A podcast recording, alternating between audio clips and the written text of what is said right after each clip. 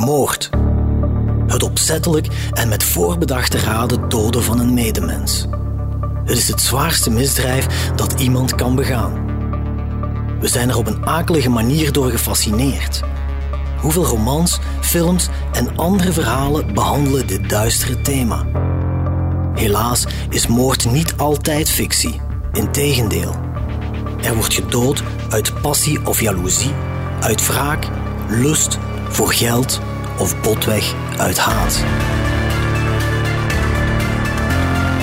In deze reeks analyseren we verschillende ophefmakende Limburgse moorddossiers, van plaatsdelict tot veroordeling. En gaan we op zoek naar de motieven die in het verknipte hoofd van de dader zijn gruwel rechtvaardigen. Ik ben Geert op Teinde en dit is Van Moord tot Verdikt. Episode 7. De schoenmoord.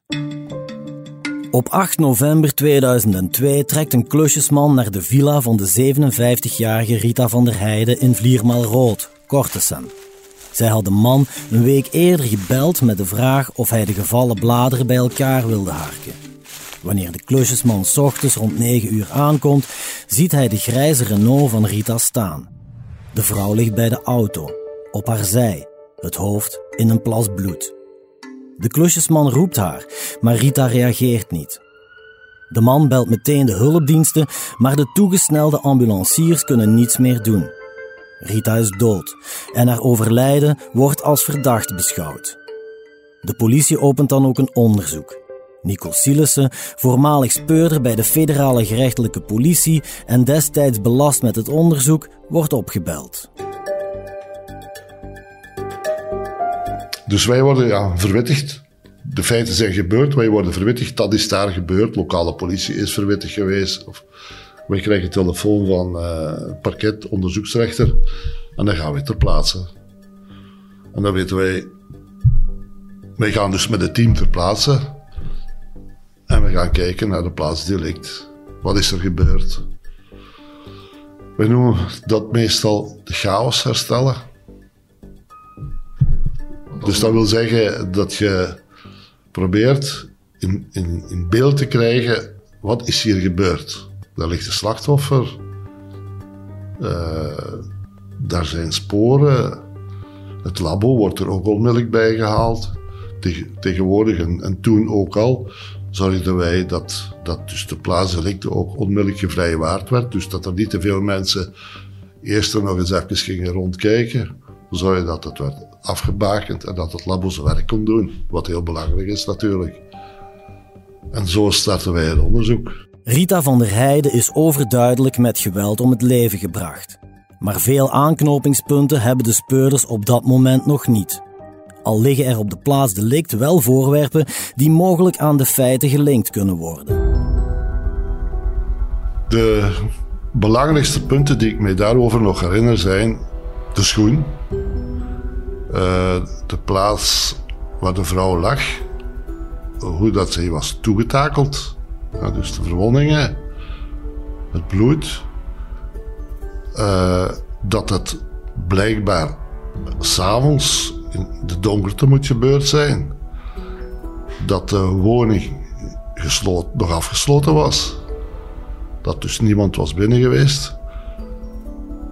En dat was zo'n beetje het enige dat we op dat ogenblik, de dag van de afstapping, konden meenemen voor de start van het onderzoek, laten we het zo zeggen. Uh, er was nog geen sprake van een moordwapen. Er was wel gezegd dat er eh, de verwondingen mogelijk waren toegebracht met een stomp voorwerp. En uh, op een bepaald ogenblik is er wel gedacht van die schoen, kan die de verwonding hebben veroorzaakt, maar uh, dat bleek niet het geval, want die schoen die hing niet vol bloed. Dus uh, die kwam niet in aanmerking. De schoen blijkt niet het moordwapen te zijn, maar dus wel een concrete aanwijzing. Zou de schoen van de dader kunnen zijn? Nico Silissen en zijn collega's besluiten om die hypothese te onderzoeken. Ze doen er alles aan om te achterhalen van wie die schoen zou kunnen zijn en waar zijn eigenaar zich bevindt. Dus de plaatsdelict en waar de schoen gevonden werd, gaf duidelijk aan die heeft hier iets mee te maken, die schoen. Dat was dan ook nog een speciale schoen, een werkmansschoen. Een, een verstevigde schoen met een stalen punt, of hoe noemen ze dat. Dus daar hebben we ook heel veel tijd in gestoken. En dat was niet altijd evident om, ik zeg maar, van hier naar daar te gaan. Want die, die, die schoenen die worden verkocht in heel veel winkels. Het zijn wel specifieke winkels ook, hè, want het zijn specifieke schoenen. Maar je moet er veel afgaan om te weten te komen van waar komt die schoen uiteindelijk en hoe. Want ik geloof dat daar zelfs ook nog werk van gemaakt is om via die, die schoennummer, ik weet niet of er een schoennummer in stond, uh, dat er niet meer mee. In die zin hebben wij gezocht in ieder geval. In die zin om ergens, bij wijze van spreken gelegen, een tv, de serienummer of een auto. Van waar komt die? Ah, vandaar. Of andersom. Maar daar is heel veel werk in, in gestoken. Om, om ergens te achterhalen van wie is die schoen? Eerst van waar komt die? En dan eventueel te kunnen bepalen wie heeft die schoen ook. Van wie is de schoen? Om het onderzoek vooruit te helpen, lanceren de speurders een oproep met foto's van de schoen.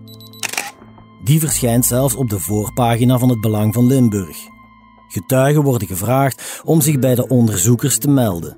Dat heeft ook in de kranten gestaan met een oproep en noem maar op. Uh, ja, dat was. Uh, op, dat ogenblik, in die zaak, was, is dat op een bepaald ogenblik echt een item geweest. De schoen. Uh, dus in de pers werd dat dan ook de schoenmoord genoemd. Met de schoenmoord heeft de zaak dus al snel een klinkende naam. Maar over het motief voor de moord op Rita bestaat veel onduidelijkheid. Mogelijke daders zijn meteen na de feiten niet in het vizier gekomen. Speelde het drama zich af in de relationele sfeer? Of is er sprake van roofmoord? Want het slachtoffer was een alleenwonende vrouw die een succesvolle zaak in fietsonderdelen uitbaatte. Ze zou over heel wat cash geld hebben beschikt, dat ze vaak bij zich droeg als ze onderweg was. Wij zijn begonnen met telefonie, telefonische contacten van het slachtoffer, met wie had zij contact? Wie waren haar vrienden? Wie waren haar zakenrelaties? Al die dingen. En op basis van die gegevens zijn we dan ook eh, getuigen gaan verhoren. Om te horen hoe dat de slachtoffer leefde, om, om te bepalen en te zien in feite uh, waar dat juist de persoon of degene kunnen gevonden worden die in aanmerking kwamen voor problemen met, met het slachtoffer. Uh, op korte tijd had dat in feite wel iets opgeleverd. Inderdaad, het onderzoek heeft resultaat. Twee jonge mannen uit Diepenbeek komen nadrukkelijk in beeld. Vrienden Johan en Patrick, die ook elkaars buren zijn, blijken sinds kort regelmatig contact te hebben gehad met slachtoffer Rita. Het trio wordt meermaals samengespot op café. Dat vertelt speurder Nico Sielissen. Zij hadden pas op korte termijn voor de feiten contact met haar. En uh, ja, om, om niet dan de namen te noemen, maar uiteindelijk was dat een verdachte periode, zo kort voor de feiten. De manier waarop zij contact hadden gekregen met het slachtoffer was ook een beetje bizar of, of, of duister, hoe je het wilt noemen. Ten eerste, zij waren van Diepenbeek. Ten tweede, uh, volgens de getuigenonderzoeken en volgens de telefonie ook, bleek dus dat een van die twee contacten had met het slachtoffer. Daar zijn we dus gaan op werken en bleek dat zij, uiteindelijk bleek dat zij elkaar hadden leren kennen in een café in Diepenbeek. Dat er mensen waren die, die daar nog iets van wisten, want daar hebben wij toen verschillende mensen in verhoord. Zij hadden contact met het slachtoffer en blijkbaar was dat een seksrelatie. En dan, en dan kun je zeggen, ja, oké, uh, het slachtoffer had een liederlijke een liederlijk leven, zo ik het zeggen. Johan en Patrick worden meegenomen voor verhoor. Ze leggen tegenstrijdige verklaringen af en de speurders hebben getuigenissen van mensen die beweren dat de twee Diepenbekenaren iets met Rita's dood te maken kunnen hebben. Alleen blijkt de werkmanschoen die op de plaats delict werd gevonden van geen van beiden te zijn. Toch laat de onderzoeksrechter hen aanhouden en in afwachting van het verdere onderzoek wordt het tweetal opgesloten in de gevangenis. Maar de speurders twijfelen aan hun betrokkenheid. Ze slagen er niet in om de losse eindjes aan elkaar te knopen. Uh, het bleek dus dat, uh, ja, dat zij mogelijk de feiten konden gepleegd hebben. Van de andere kant waren er zoveel twijfels dat we echt uh, verder hebben moeten zoeken. Het gaat hem niet alleen over ik ga het bewijzen dat die dat gedaan heeft.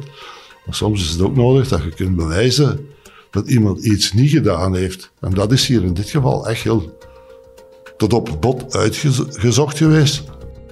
Wij zitten met een aantal elementen die, die aangeven dat ze mogelijkste verdachten zijn. Op die elementen gaat je verder zoeken. En je zoekt ook nog naar nieuwe elementen om aan te tonen dat zij het zijn of niet zijn. Uiteindelijk zijn al die, elementen, al die elementen zo onderzocht en hebben die aangetoond dat het zij niet waren. Dat er een logische uitleg is voor een aantal dingen die wij in eerste instantie in twijfel trokken. Twee maanden na hun aanhouding mogen Johan en Patrick de gevangenis verlaten. Het duo getuigt in het belang van Limburg dat ze niets met de moord op Rita van der Heijden te maken hebben en dat de speurders al die tijd de foute piste hebben bewandeld. Hoe het kan dat de twee mannen zo lang onschuldig in de gevangenis hebben gezeten, ook al waren er al van in het begin twijfels over hun betrokkenheid, verklaart Nico. Dat is een beetje de. Dat heeft natuurlijk een tijd in beslag genomen, omdat de getuigen moesten verhoord worden. Ook omdat zij zelf bepaalde dingen vertelde en achteraf weer was het anders, omdat het dan niet meer uitkwam. Maar als wij dan vragen stellen, dan weten zij niet waarom dat wij die vragen stellen. Maar soms is dat ook niet alleen om ze erin te draaien, maar is dat ook om, we stellen die vragen. Als zij daar een correct antwoord op geven, dan weten wij, ah, wat hij nu vertelt, klopt met de gegevens die we hebben. En dat kan soms ontlastend zijn, hè. Speurder Nico Sielissen ziet het onderzoek naar de schoenmoord als een schoolvoorbeeld van hoe je als rechercheur een zaak moet aanpakken. Geen tunnelvisie hebben, maar rekening houden met elk mogelijk scenario. Dat is, hoe moet je dat zeggen? Het openstaan voor alles. Dat is in feite wat tunnelvisie niet is. En ik denk dat dat een van, van de bewijzen, of in deze zaak is dat een van de bewijzen ja, dat soms heel gemakkelijk het woord tunnelvisie gebruikt wordt. Het is natuurlijk altijd zo dat op een bepaald ogenblik heb jij ideeën over wat, hoe is dat gebeurd. Wij hebben die gegevens, wij hebben die gegevens. Zij vertellen zus, zij vertellen zo. Het klopt niet. Dan moet je gaan zoeken wat klopt hier niet. We gaan dat verder onderzoeken. En als blijkt dat uiteindelijk wat zij vertellen wel klopt, of dat ze bepaalde dingen hebben achtergehouden. Maar door het achterhouden van bepaalde dingen, die zij dus die willen verklaren in eerste instantie, bezwaren zij hun, hun verdachte. de verdachtmaking bezwaren ze zelf. Zo, zo moet je dat ook een beetje zien. Hoe kijken de verdachten van toen terug op deze zaak? We hebben contact gehad met Johan. Hij gaf aan te willen meewerken aan deze podcast, maar uiteindelijk zag hij er toch van af omdat hij de zaken niet opnieuw wilde oprakelen. Begrijpelijk natuurlijk, want onschuldig in de gevangenis zitten laat sporen na. Toch koesterden de twee verdachten volgens Nico Sielissen na hun vrijlating geen wrok tegenover de speurders. Zij gaven ons ook de, noemde, hoe moet je dat zeggen, de, de de steun en de moed van jongens, vind ze.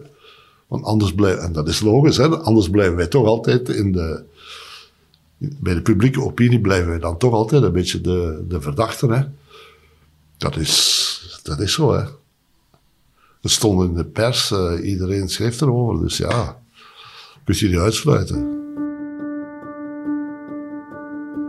Hoewel de enige verdachte in deze zaak onschuldig blijken te zijn en het onderzoek terug bij af is, vindt Nico Silissen dat geen dramatische ontwikkeling. Integendeel, het is een piste die nu definitief afgesloten kan worden. Een zoektocht naar nieuwe sporen gaat van start. Het toont aan, blijf ik nog altijd volhouden, dat je alles moet onderzoeken. En dat als je het correct onderzoekt, kom je tot de, de juiste conclusies. En of dat nu de zaak oplost of ze juist niet oplost, eigenlijk in dit geval lost het de zaak niet op, want ze zijn het niet geweest, is dat toch een positief onderzoek geweest. Zo zie ik dat. Dan kun je ook verder. Kun je naar de volgende fase, dat wil zeggen, terug opengooien. Wat zijn hier nog de mogelijkheden? Wie komt nog in aanmerking? Dat was dus in eerste instantie niet. En af en toe moet je een keer geluk hebben in een onderzoek en dan krijg je de juiste tip. En dan, uh, dan je vertrokken. Een juiste tip brengt het onderzoek inderdaad in een stroomversnelling. Naar wie die gouden tip leidt, van wie de beruchte schoen is en of de moord zal worden opgelost, hoort u morgen in deel 2 van De Schoenmoord. U luisterde naar Van Moord tot Verdikt, een true crime reeks van HBVL Podcast. Samenstelling door Geert op Teinde, Nancy van den Broek, Filip Perges en coördinator Cato Poelmans. Montage en audioproductie door Len Melot en Glenn Legijn. Chef podcast is Geert Nies. Reageren? Dat kan via podcast@hetbelangvanlimburg.be. Ben je benieuwd naar meer nieuws en verhalen? Surf naar hbvl.be/voordelig en ontdek onze voordelige leesformules.